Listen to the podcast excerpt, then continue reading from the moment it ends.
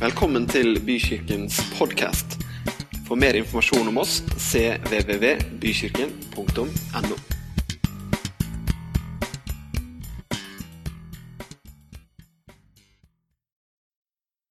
Dere, I dag så skal jeg preke en tekst som, som ikke det er 100 år siden sist jeg prekte. Jeg skal ikke ta søndagen eh, i forrige uke en gang til. Men jeg skal ta en tekst som jeg, jeg, jeg skriver jo ned ikke sant, dato på prekenene, så jeg fant ut at det er liksom ikke tre år siden jeg har vært borti den teksten. Men du vet, noen tekster, eller noen historier, kanskje er bedre å si, i Bibelen, de, de blir litt i deg, og så leser du de en gang til, og så går du og tenker på det, og så OK. Og det blir jo litt sånn her at du vet, når jeg kommer her og skal snakke til dere en søndag så går jeg på en måte liksom inn i en samtale, hvis du kan kalle det det. Men jeg vet jo egentlig ikke hvem jeg skal snakke med. Er du med på tanken? Altså, Jeg går liksom ikke inn i en forberedt medarbeidersamtale. Jeg har jo vært arbeidsgiver i veldig mange år og hatt eh, hundrevis av medarbeidersamtaler. Jeg har liksom ikke satt meg ned og liksom Ja, hvordan er det med han og det og det og det? Altså, Den jobben kan, man, kan jeg jo ikke gjøre.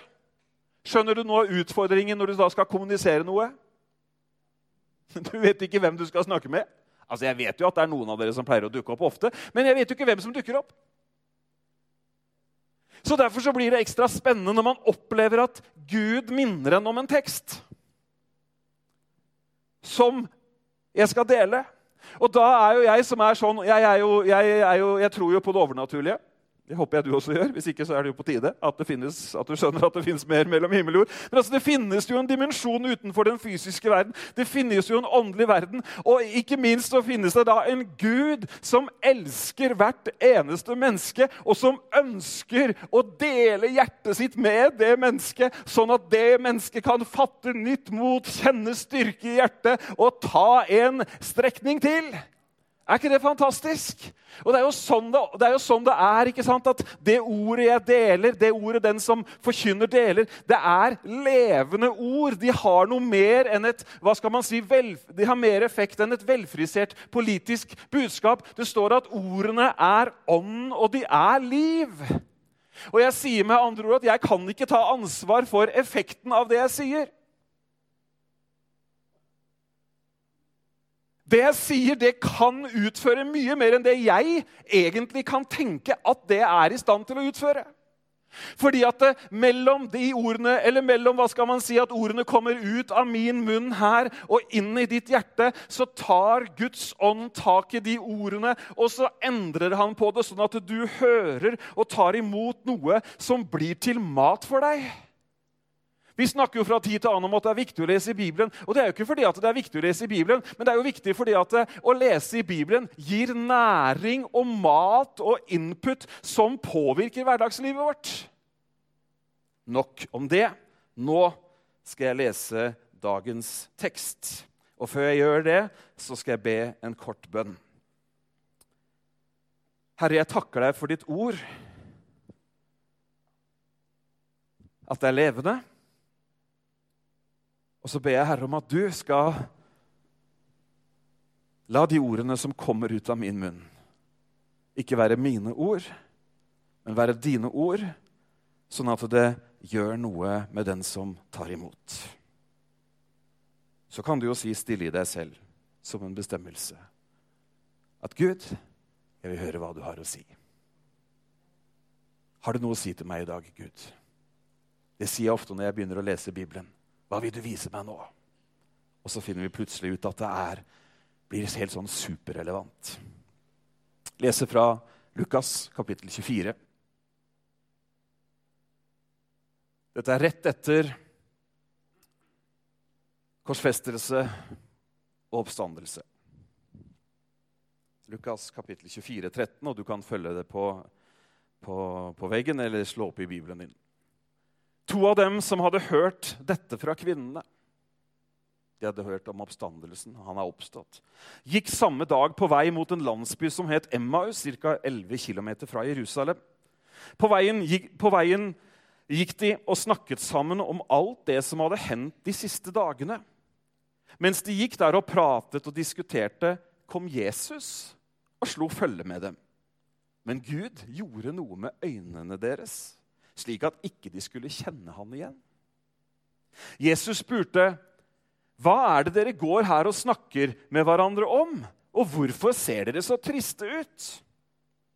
Kleopas, en av mennene, svarte, 'Du må være den eneste fremmede i Jerusalem som ikke har fått med deg alt det som har skjedd der de siste dagene.' Jesus spurte, 'Hva er det som har skjedd?' De sa alt dette med Jesus fra Nasaret. Han var en Guds profet som forkynte budskapet om Gud, forkynte budskapet fra Gud på en klar måte, og som gjorde store under og mirakler. Men øverstepresten og de religiøse lederne fikk han dømt til død. De korsfestet ham, og nå er det tre dager siden alt dette skjedde. Vi hadde håpet at det var han som skulle befri Israel. Men tidlig i dag morges var det noen av kvinnene som gikk til graven. Og de kom tilbake med rystende nyheter. De kunne ikke finne kroppen hans. I stedet ble de møtt av to engler som sa at han lever. Det kom de og fortalte oss. Noen av oss gikk da til graven for å sjekke det hele, og det var nøyaktig slik kvinnen hadde sagt. Kroppen hans var ikke der. Hva er det dere går her og snakker om? Og hvorfor ser dere så triste ut? Hva er det som har skjedd? Jesus har altså stått opp fra de døde. Hans oppdrag er fullført. Himmelens konge, Guds egen sønn. Han har fullført oppdraget, og han er nå i den perioden fra mellom oppstandelsen og opprykkelsen på Kristi himmelfartsdag. Så er han da og har noen dager sammen med disiplene. De har ennå ikke helt skjønt at han lever. Det er noen som sier at han lever. De her er liksom, de er vel ikke helt sikre på at han lever. De har i hvert fall skjønt at det som stemmer, er at det damene sa om at graven var tom, det stemmer i hvert fall. Men saken er, er at her er det to disipler, og det er ikke engang blant de hva skal man si, sentrale tolv. Det er bare én vi får vite navnet på. Han andre heter Kleopas. Og de er tydeligvis mismodige. De er tydeligvis nedtrykte. Jeg tror at liksom kroppsholdningen var litt sånn slentrende, når de gikk der og snakka og, og løfta ikke blikket i det hele tatt. De snudde ryggen til Jerusalem, de hadde snudd ryggen til tempelet der hvor alt hadde foregått. Og de var på vei til Emmaus, en liten landsby noen timers gåtur unna. Og hva gjør Jesus, den oppstandende Kristus? Guds egen sønn? Jo, han slår følge med et par helt vanlige disipler. Et par helt vanlige mennesker, om du vil. Midt i en situasjon hvor ikke de er i vekkelseshumør i det hele tatt. De er motsatt stemning de har, ikke, de, har, altså de, har, de, har, ikke, vært på gudstjeneste. De har, ikke, har, ingenting. De har tvert imot konkludert med at han som vi trodde skulle komme og virkelig få skikk på tingene, han er død. Og jeg er helt sikker på at de stilte spørsmålet Du, har disse årene vært fullstendig bortkasta? Moro mens det varte, men det varte jo ikke. Desillusjonerte. Det er jo interessant i det hele tatt det at det står at Gud gjorde noe med øynene deres, sånn at ikke de skulle kjenne han igjen. Jesus hadde en beskjed, han hadde noe å gi til dem som ikke skulle være basert på et eller annet ytre. 'Å ja, det er deg, Jesus. Ok, da er det sant.' Nei, han ønska å vise dem noe dypere, et annet fundament. Men først og fremst så syns jeg det er utrolig interessant at den oppstandende Jesus, han som har seira over død, over synd, han velger å slå følge med to vanlige mennesker som har mista litt visjonen. Som har mista litt trua. For det tror jeg de hadde. Du hører det på det de sier. Du hører det mellom linjene. Vi som trodde at han skulle komme og lage vei i vellinga. Å, han hadde så mye bra. Å, du skulle vært der. Hadde du vært der, så hadde du ikke lurt på, skjønt, så hadde du skjønt hvordan vi har det. Hadde du vært der i den tiden hvor, hvor liksom relasjonen med han var levende hvor Vi, vi, vi, altså vi var jo der. altså Vi, sendte jo tekstmeldinger til hverandre og, og, fortalte nå er han der. Nå har det skjedd. ikke sant? Jeg er sikker på de mem, mem, altså, eh, minnene kom opp. ikke sant? Husker dere da han ba Lasarus om å komme ut? Det var rått. Husker dere kvinnen, hun enken i Nain som hadde mista sin eneste sønn, og som, hvor Jesus stoppa gravfølget og vekta han opp fra de døde? Husker dere Bartimeus? Eller Vi trodde jo at han her aldri kom til å slutte å gjøre så mye godt, men nå er han død. Mista trua. Jeg tror at du og jeg også kan miste trua, selv om ikke vi har vært sånne på første rad-disipler med Jesus når han fysisk var på jorda. Men jeg tror at noen og hver av oss kan kjenne oss igjen i en kroppsholdning hvor øynene fokuserer på bakken, og hvor hjertet er litt tynget av at det ble jo ikke sånn som det skulle bli. Og Du skal få slippe å rekke opp hånda for å bekrefte, men jeg tror jeg kjenner eh, menneskehjertet såpass at det er tilfellet at vi opplever opplever det i livene våre at ting ikke ble som det skulle. Det er lett å bli desillusjonert. Det er lett å miste et håp. Og hvor lett er det ikke å avskrive noe vi trodde på, når noe ikke blir sånn som vi trodde? Men så er det akkurat da Og dette er så nydelig. Dette er evangeliet, dette er Guds godhet. Det er jo akkurat da Jesus kommer opp på siden av oss og ikke gir oss en sendepreken. Han gjør jo ikke det. Hør her, folkens, nå må dere jo ta dere sammen. Altså, unnskyld meg, har dere glemt alt jeg har sagt?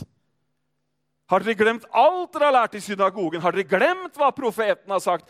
Nei, han kommer opp på siden og snakker samme språk, og han går med dem. Og ikke heng deg opp i at han går med dem, men det her tror jeg er et veldig bilde på at han er sammen med dem. Han lever livet sammen med dem. Jesus er ikke redd for å møte oss når vi har mista troa. Akkurat da så er han nemlig der og går sammen med oss. Og som vi skal se videre i historien, så viser han oss hvem han er. Oppstandelsen møter oss der nåden er størst, der hvor alt håp er ute.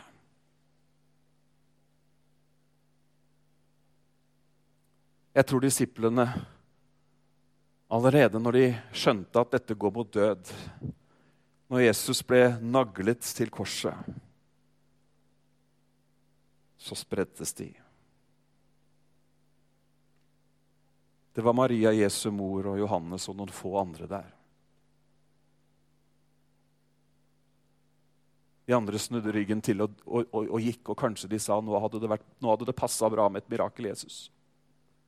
Det hadde vært skikkelig ålreit om det korset bare falt ned, og du ikke hadde en skramme på kroppen.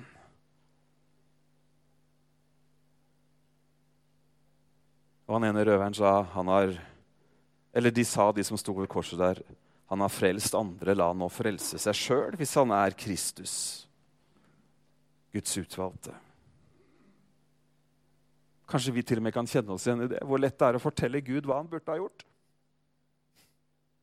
Har du gjort det noen gang? Nei, Gud, nå er det på tide. Til og med hørt om noen som eh, nærmest har gitt Gud en tidsfrist. Når han ikke handler, når han ikke gjør det vi syns han burde gjøre.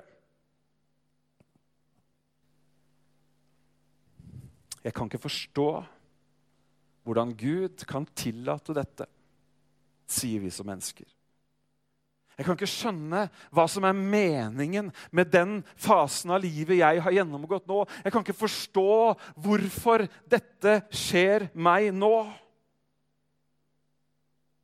Det er lett å havne der når det ufattelige skjer.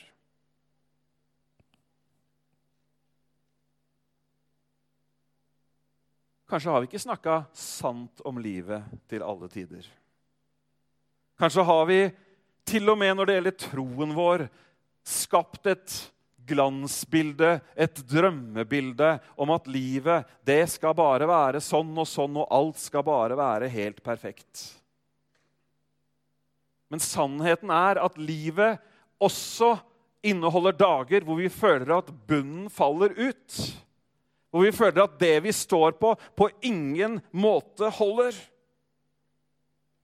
Og når det skjer, dere, så skal ikke det bortforklares. Hørte du hva jeg sa? Det skal ikke bortforklares. Verken med logikk eller med tåkete teologi. Når ting inntreffer, sånn som det gjorde for disse disiplene, så er det oppriktig undring å si 'jeg kan ikke forstå Gud'. Hvordan tenker han? Derfor er det så viktig hva vi lærer om Gud.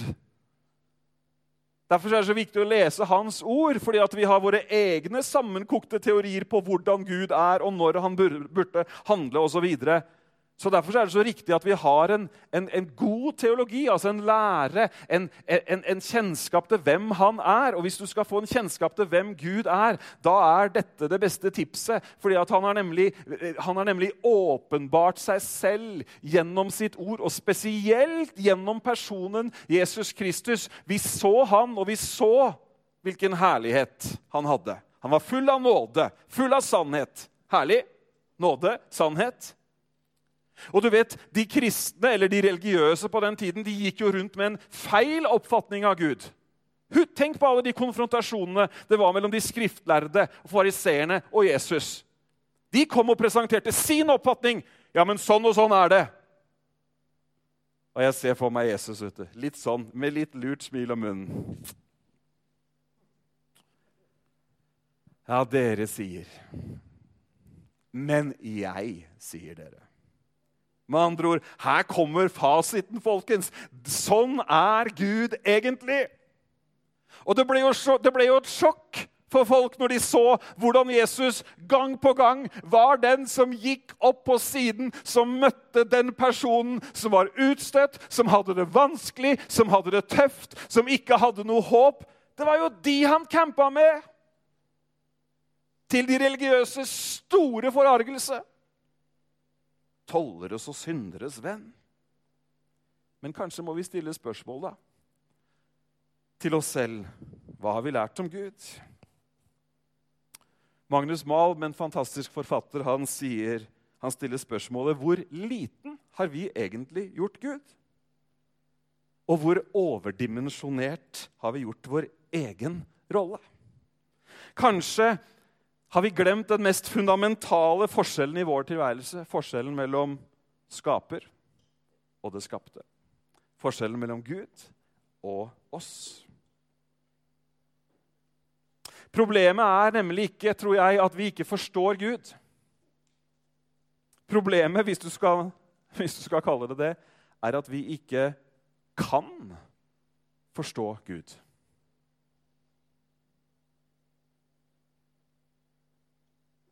Altså, Hvis vi sier at vi ikke forstår Gud, så sier vi at vi prøver, å, vi prøver, å, forstå Gud, men vi forstår han ikke. Men det er som om vi er i to ulike verdener, og, og, og det er vi. Fordi at Gud han er større. Han har en helt annen oversikt. Vi har dager og tider og et menneskeliv. Det tenker vi er helheten. Gud har vært fra evighet, og han er til evighet. Og hvis vi prøver da å tenke at vi skal forstå Gud, så har jeg liksom en sånn nyhet til deg. Kanskje ikke en nyhet, men i hvert fall en påminnelse påminner som vil gjøre dagene dine litt bedre. Du kommer aldri til å forstå han.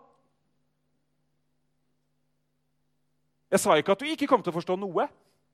Men jeg sa du kommer aldri til å forstå Gud fullt ut. Og det er Bibelen veldig klar på. Sier at her, mens vi er her på jorda, så forstår vi stykkevis, og vi forstår delt.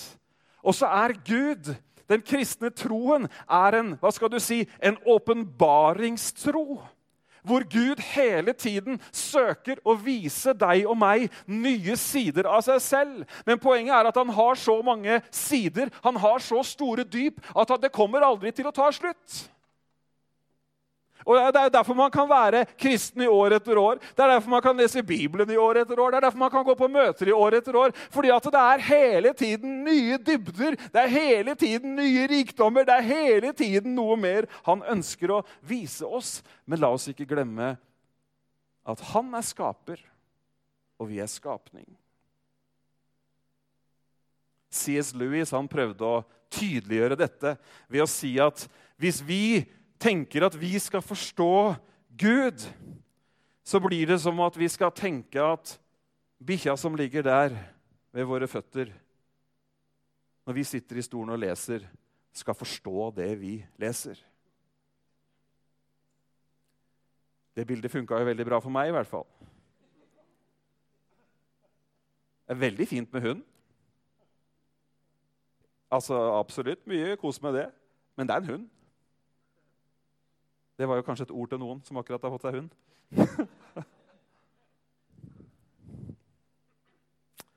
Hør hva det står om dybden i Gud i Romerbrevet 11. Og dyp av rikdom og visdom og kunnskap hos Gud. Hvor uransakelige hans dommer er, hvor ufattelige hans veier. Hvem kjente Herren sin? Og hvem var hans rådgiver? Hvem ga ham noe først, så han skulle få noe igjen? For for ham, for fra ham og ved ham og til ham er alle ting. Ham være ære i all evighet. Amen. Tilbake til historien. Hva er det som har skjedd? sier Jesus. Jesus vil vite hva som har skjedd. Hva er det som har skjedd? Hvorfor er dere der hvor dere er i dag? Og så forteller de det jo. Jo da, det var så bra. Det ene og det andre var så bra. Og vi trodde at han skulle befri Israel. Så sier Jesus Og her blir han litt sånn direkte. Men da sa Jesus til dem, så lite dere forstår. Og så trege dere er til å tro på alt det som står skrevet i Skriften. Profetene har jo forutsagt dette. Var det ikke slik at Kristus måtte lide, og at han etterpå skulle bli æret og opphøyd? Og så tar han søndagsskolen i kortversjonen. Og alle gudstjenester og alle bibelundervisninger komprimerer han på et sånt bok for bok gjennom Bibelen-studiet. Og så minner han dem om at det hele er jo forutsagt. Egentlig så burde de ha kunnet vite dette, så han er jo litt direkte. Da, så lite dere forstår. Har dere liksom ikke hørt etter på hva jeg har sagt? Og dere, jeg tror at hvis de som hadde hørt ordene direkte fra Jesus, hvis de som hadde sett hva Jesus hadde gjort, de som hadde vært der, de som hadde vært nær på Hvis de kan glemme, så tror jeg at du og jeg kan glemme. Jeg vet ikke åssen det er med deg, men jeg har jo begynt å bli en uh, middelaldrende mann. Og før så huska jeg alt. Jeg husker ikke alt lenger. jeg. Noen ler litt nå. Jeg må bare skyte inn. Er det noen som har sett Demenskoret på NRK? Hvis det er noe du skal se, så er det den. Veldig bra. Jeg tror ikke disse hadde fått demens. Jeg tror ikke det var det som var forklaringen. Men forklaringen var at omstendighetene i livet kommer og kaster skygge over ting vi allerede egentlig vet. Og fortsatt så er omstendighetene så overveldende at de catcher fortsatt ikke at det er Jesus. Han begynner å snakke om seg selv. Han begynner å snakke om Husker dere ikke hva profeten Esekiel sa? da? Husker dere ikke hva dere har lest i Jesaja? Husker dere ikke? Altså, husker dere ikke? Husker dere ikke? Nei, de huska det ikke. Men han forklarte det for dem.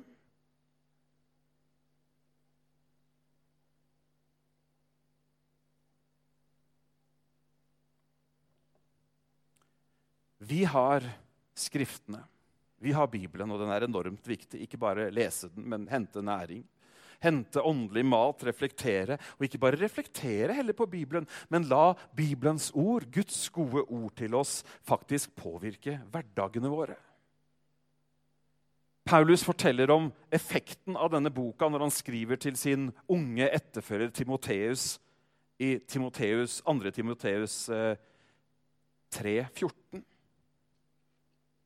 Men du skal holde fast på det du har lært og er blitt overbevist om. Du vet jo hvem du har lært av.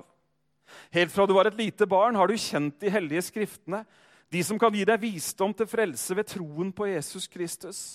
Hver bok i Skriften er innblåst av Gud og nyttig til opplæring, tilrettevisning, veiledning, oppdragelse i rettferd, så det mennesket som tilhører Gud, kan være fullt utrustet til all god gjerning. Men vi må tilbake til de to som har vendt Jerusalem og tempelet ryggen, og som er på vei til Emmaus. Fra vers 28. De nærmet seg etter hvert landsbyen som de skulle til. Men han, altså Jesus, så ut som han skulle gå videre. De spurte om han ikke kunne bli med dem. Vil du ikke bli med oss, for nå er det snart kveld, og det begynner å bli mørkt? Da ble han med dem hjem. De lagde kveldsmat, og da han hadde satt seg til bords, tok han brødet, løftet det opp og velsignet det. Deretter delte han brødet i biter og ga dem. Da kjente de ham straks igjen, og øynene deres ble åpnet, så de kunne se at det var ham. Men i samme øyeblikk ble han borte og forsvant. Og da falt brikkene på plass. vet du. Da sa de til hverandre Vi burde ha forstått at det var ham, for vi ble varme om hjertet da han snakket til oss. Brant det ikke i oss da han snakket med oss på veien hit, og da han forklarte Skriftene for oss? De skyndte seg tilbake til Jerusalem jeg vet ikke om de dro med en gang. Det var jo mørkt, og det var egentlig kveld, men det står at de skyndte seg tilbake med en gang. Så jeg lurer på om de liksom tok distansen på 11 km på strak arm i mørket fordi at dette her var så skjellsettende, denne opplevelsen. Men de dro i hvert fall tilbake til Jerusalem for å fortelle dette til de andre, til de elleve disiplene og de som var sammen med dem. Da de kom dit, fortalte de hva de hadde opplevd. Herren er virkelig oppstått, og han har vist seg for oss. Så fortalte de om det som hadde hendt på veien, og om hvordan de hadde gjenkjent ham da han delte brødet for å gi det til dem. Det blir kveld, og det ser ut som Jesus har tenkt seg videre. Da inviterer de han inn. Og det er det lureste man kan gjøre. Nå har måltidet en helt annen symbolsk betydning i denne kulturen enn det den har hos oss. I denne kulturen så var det å spise sammen med noen det dypeste uttrykk for å ha fellesskap. Så når de inviterer Jesus inn på kvelds, så er det ikke bare folkeskikk at vi burde jo gi ham litt mat, for det begynner å bli mørkt. Men det er noe mye mer som skjer. Der ser de han, hvem han er. De har kjent brannen i hjertet. De har kjent noe bevegde seg. Det var noe i møte med ordet, med forkynnelsen, med det han delte, som skapte en reaksjon på innsiden av dem. Det var noe de hadde følt før. Det var noe de hadde opplevd tidligere. Men det var når de gjorde det lureste man kan gjøre, at de opplevde hvem han er. Da ble øynene deres åpne. Hør her, kjære deg. Du kan ha mista det ene og det andre ut av syne. Du kan ha tenkt at dette gikk jo ikke allikevel. Men det skjer noe når vi hører det Jesus har å si til oss, og når vi inviterer han inn. Da ser vi han igjen. Da blir relasjonen gjenopprettet. Hva var det de gjorde? De dro tilbake til de andre. Fantastisk. De hadde snudd de, de, Disse to her Vi vet jo ikke så veldig mye om dem, men de hadde da tydeligvis vært en del av den statistikken som vi også ser i Norge og i verden i dag, av mennesker som på et eller annet tidspunkt i livet, ofte i slutten av 20-årene, på vei inn i 30-årene, når ungdomsidealet av en tro hvor alle skulle bli frelst, og alle skulle bli helbreda, og byen skulle blitt snudd opp ned på hodet Når man kommer til den erkjennelsen på vei, godt på vei inn i det voksne livet av at ting ble ikke som vi trodde. De følelsene vi hadde som ungdommer Og du vet, ungdommer det er sort-hvitt, og det er høyt opp og det er lavt ned, og alt eller ingenting. Det endrer seg når vi blir litt, blir litt mer voksne. Og takk og pris for det.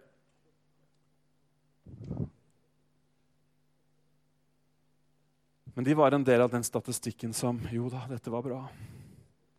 Dette her er egentlig kjempefint, men vet du hva? det ble ikke som vi trodde. Og så finner de ut at det er en som møter dem i den konklusjonen. Det er en som går sammen med dem. Det er en som tar seg tid til de to. Jesus kaller jo ikke sammen til massemønstring i Jerusalem når han er oppstått. Hørte du det? Det var liksom ikke 'Call God TV, I'm back'. Nei, den oppstandende, Guds levende sønn. Han som har seiret over død, han som har seiret over alt som skiller oss mennesker fra Gud. Han går med to stykker og minner dem på hvem han er. Og så inviterer de han inn. Og så snur de om og vender tilbake til fellesskapet. De blir med igjen. Det er helt nydelig. De blir med igjen, folkens. De blir ikke en del av statistikken. Ja, de var med en gang, de trodde en gang, men nå vet vi ikke helt hvor de er. De har kanskje verdien osv., men relasjonen med Jesus Noe skjedde langs veien. Den ble brutt. Forventninger som ikke ble innfridd. Skuffelser, jeg vet ikke hva. Men så møter de han når de inviterer han inn. Så er varmen på. Så er forbindelsen der. Så er hjertet på plass.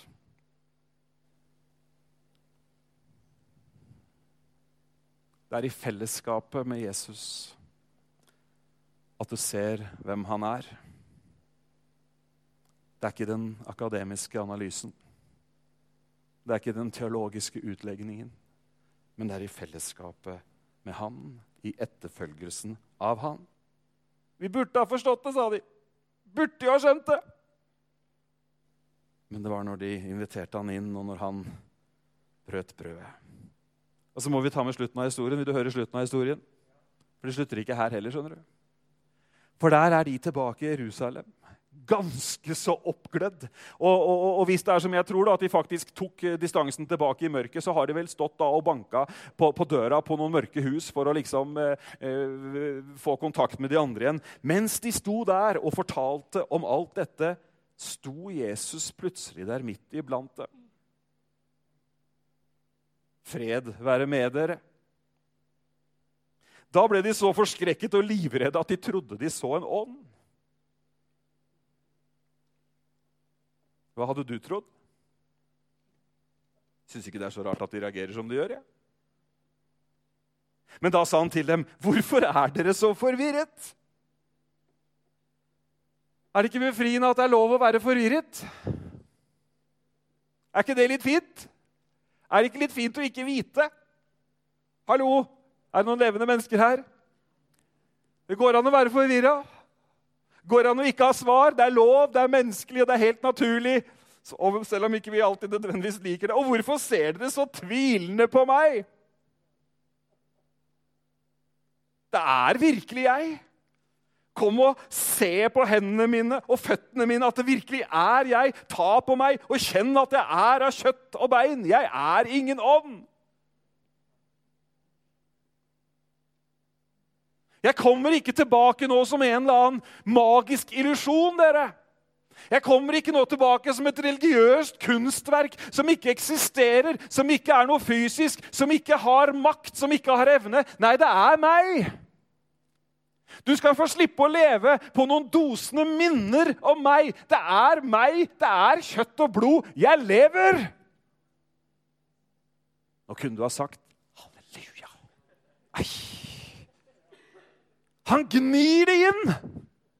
Altså, mange i dag hadde vært, Det hadde vært fantastisk bare å ha den åndelige opplevelsen om man bare hadde kommet der og vist seg som en ånd og forsvunnet. Kunne du skrevet bok og tjent penger på det. Men det er jo ikke det han er interessert i. Det er jo ikke det han vil at du og jeg skal bære med oss resten av livet. En eller annen åndelig opplevelse i fortiden. Nei, Han vil vise deg og meg at han er kjøtt og blod i dag, og at han har all makt i himmel og på jord, og at vi kan være kobla på han og leve i fellesskap med han. Det er jo dritbra, det her. Det er kjempebra. Oi, oi, oi, oi! oi! Så viste han, sine, viste han dem hendene og føttene sine. Disiplene var over seg av forundring og glede, men, fortsatt var, men synes fortsatt det var vanskelig å tro at dette var sant. Fortsatt vanskelig å tro. Det heter tvil. Fortsatt vanskelig å tro.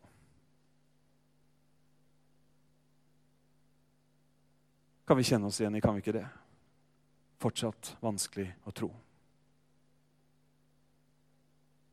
Og så har vi lagd tvil som en motpol til tro. Men hva er det motsatte av tro? Det er ikke tvil. Det motsatte av tro er vantro. Det står ikke at de var vantro, men de var de syntes fortsatt det var vanskelig å tro. Og det å synes, Hvis du synes fortsatt, hvis du synes at det er vanskelig å tro, og du tviler, så er det bare fordi at troen akkurat da, akkurat rundt dette, sliter litt med å finne fotfeste. Det betyr ikke at troen er borte. Hørte du hva jeg sa? Det betyr ikke at troen er borte. Det betyr bare at livets omstendigheter, det du står midt oppi, gjør at, at du strever liksom litt med å vite om den troen som har et, et grep om deg, om den egentlig virkelig holder. Det er egentlig et fantastisk sted å være.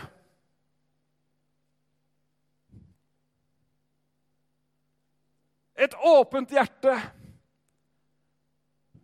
som spør den Gud som elsker å åpenbare seg, den Gud som elsker å bevise at han er ekte, den Gud som sier, 'Ja, men ta på meg, se, jeg er kjøtt og blod'. Han elsker jo å møte oss i vår tvil, sånn at troen igjen kan lande. Hør her, kjære venn. Troen din skal få lande på nytt. Troen som er en gave, troen som kommer av det du hører, troen som kommer av forkynnelsen, den kan få lov til å lande skikkelig bra på, i deg igjen. Derfor så spurte han har dere noe mat her.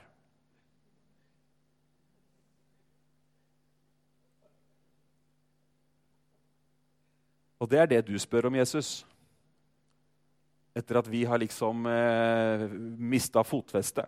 Etter at alt liksom er ramla sammen. Har dere noe mat her? Det var jo ikke fordi han var så sulten, men det var for å fjerne enhver tvil om at han er ekte, at han er sann, at han er reell, at han er en som vi virkelig kan stole på. De ga ham et stykke stekt fisk og litt av en honningkake. Dette spiste han rett foran øynene på dem. Tydeligere kan det ikke bli. Midt i skrekkblanda fryd så er beskjeden klar. Fred være med dere. Jeg er her, jeg er oppstått, jeg lever, jeg er fysisk. Se, jeg spiser. Jeg er så glad for at Jesus er ekte. Jeg er så glad for at det vi snakker om, det er liksom ikke noen teorier og en, og en venten på at det skal komme en eller annen transefølelse over oss. Nei, men de ordene vi forkynner, de er ånd, og de er kraft, og de er liv. Endre livet ditt, endre livene våre. Og så fortsetter han. Så sa han til dem, og vi skal snart slutte, vi skal dele, vi skal dele brødsbrytelse også her i dag. Så sa han til dem, husker dere ikke Husker dere ikke at jeg fortalte dere mens jeg fremdeles var sammen med dere, at alt det som er skrevet om meg i Moseloven, profeten og salmene, måtte bli oppfylt? Han hadde sagt det. Han hadde sagt så mange ganger det står skrevet. Han hadde forklart at sønnen skulle gi seg selv. Han hadde forklart det gang på gang. Men så står det her, hør på dette, ta det imot. Du, nå her i 2023, så gav han dem visdom og åpenbaring og hjalp dem til å forstå det som sto skrevet i Skriften. Og vet du hva, Gud er ikke sånn som går rundt jeg har en hemmelighet, men du får ikke vite hva det er. Nei, han ønsker å hjelpe deg og meg med all visdom, med all kunnskap og åpenbaring, sånn at vi kan skjønne hvem han er. Og så sa han det er forutsagt i Skriften at det var nødvendig at Kristus måtte lide og så stå opp igjen fra døden på den tredje dagen. Derfor skal de som overgir sitt liv til Gud, få syndenes tilgivelse tillatelse, nå skal du høre, syndenes tilgivelse i mitt navn. Dette må forkynnes for alle folkeslag, og dere skal begynne i Jerusalem. Dere er vitner om alt dette. Men først må dere vente her i Jerusalem, for min far har lovet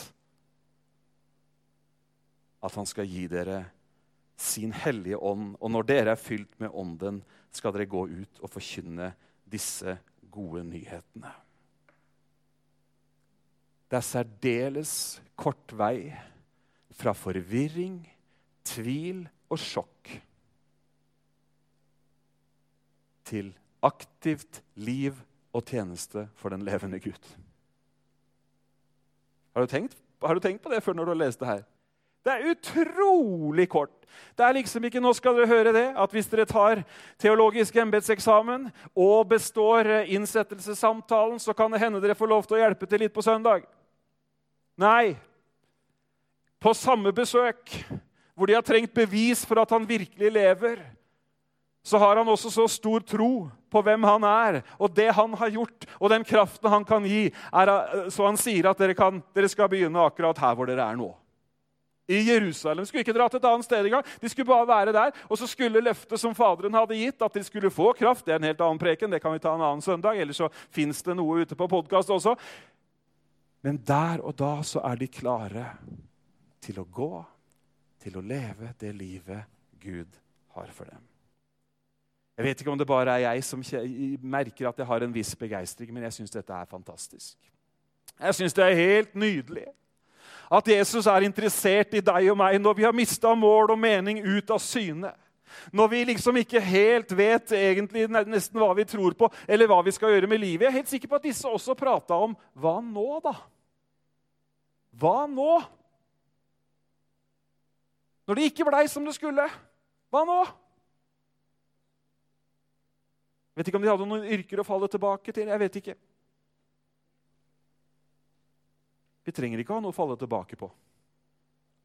For han holder i alle livets faser.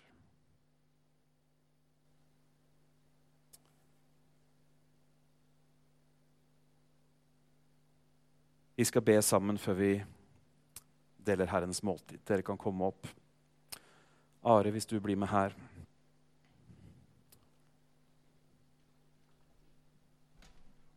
Tilbake til det jeg starta med.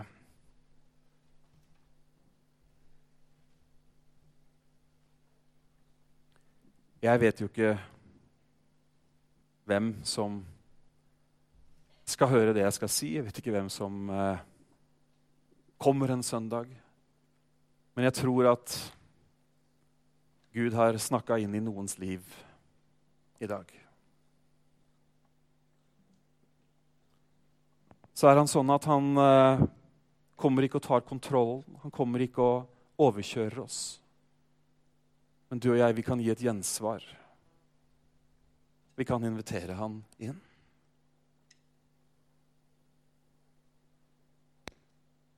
Vi kan si ja, nå er det kveld.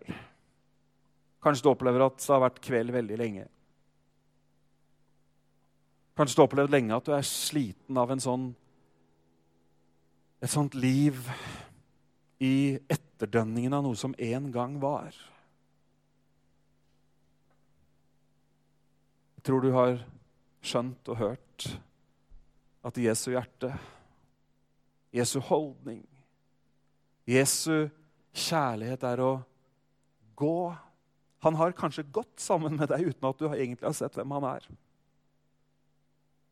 Kanskje de punktene Kanskje det har vært med ukesmellom, kanskje det har vært hver dag. Dette hjertet som du kjenner dunker noen ganger når du hører Jesu navn nevnt, eller når du ser et eller annet som har med Guds rike å gjøre. Kjente vi det ikke i hjertene våre? Brant det ikke i oss? Den der følelsen av at jo da, det er jo noe.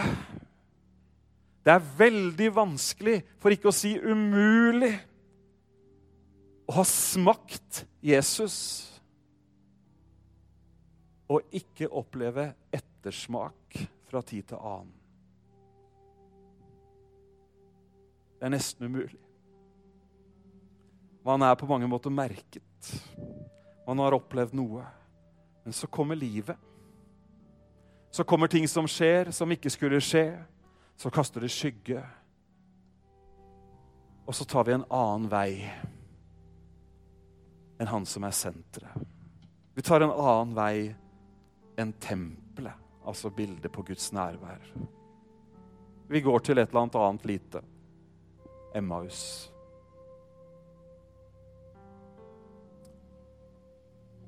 Jeg har lyst til å invitere deg til å invitere han inn. Og starte på veien til Jerusalem.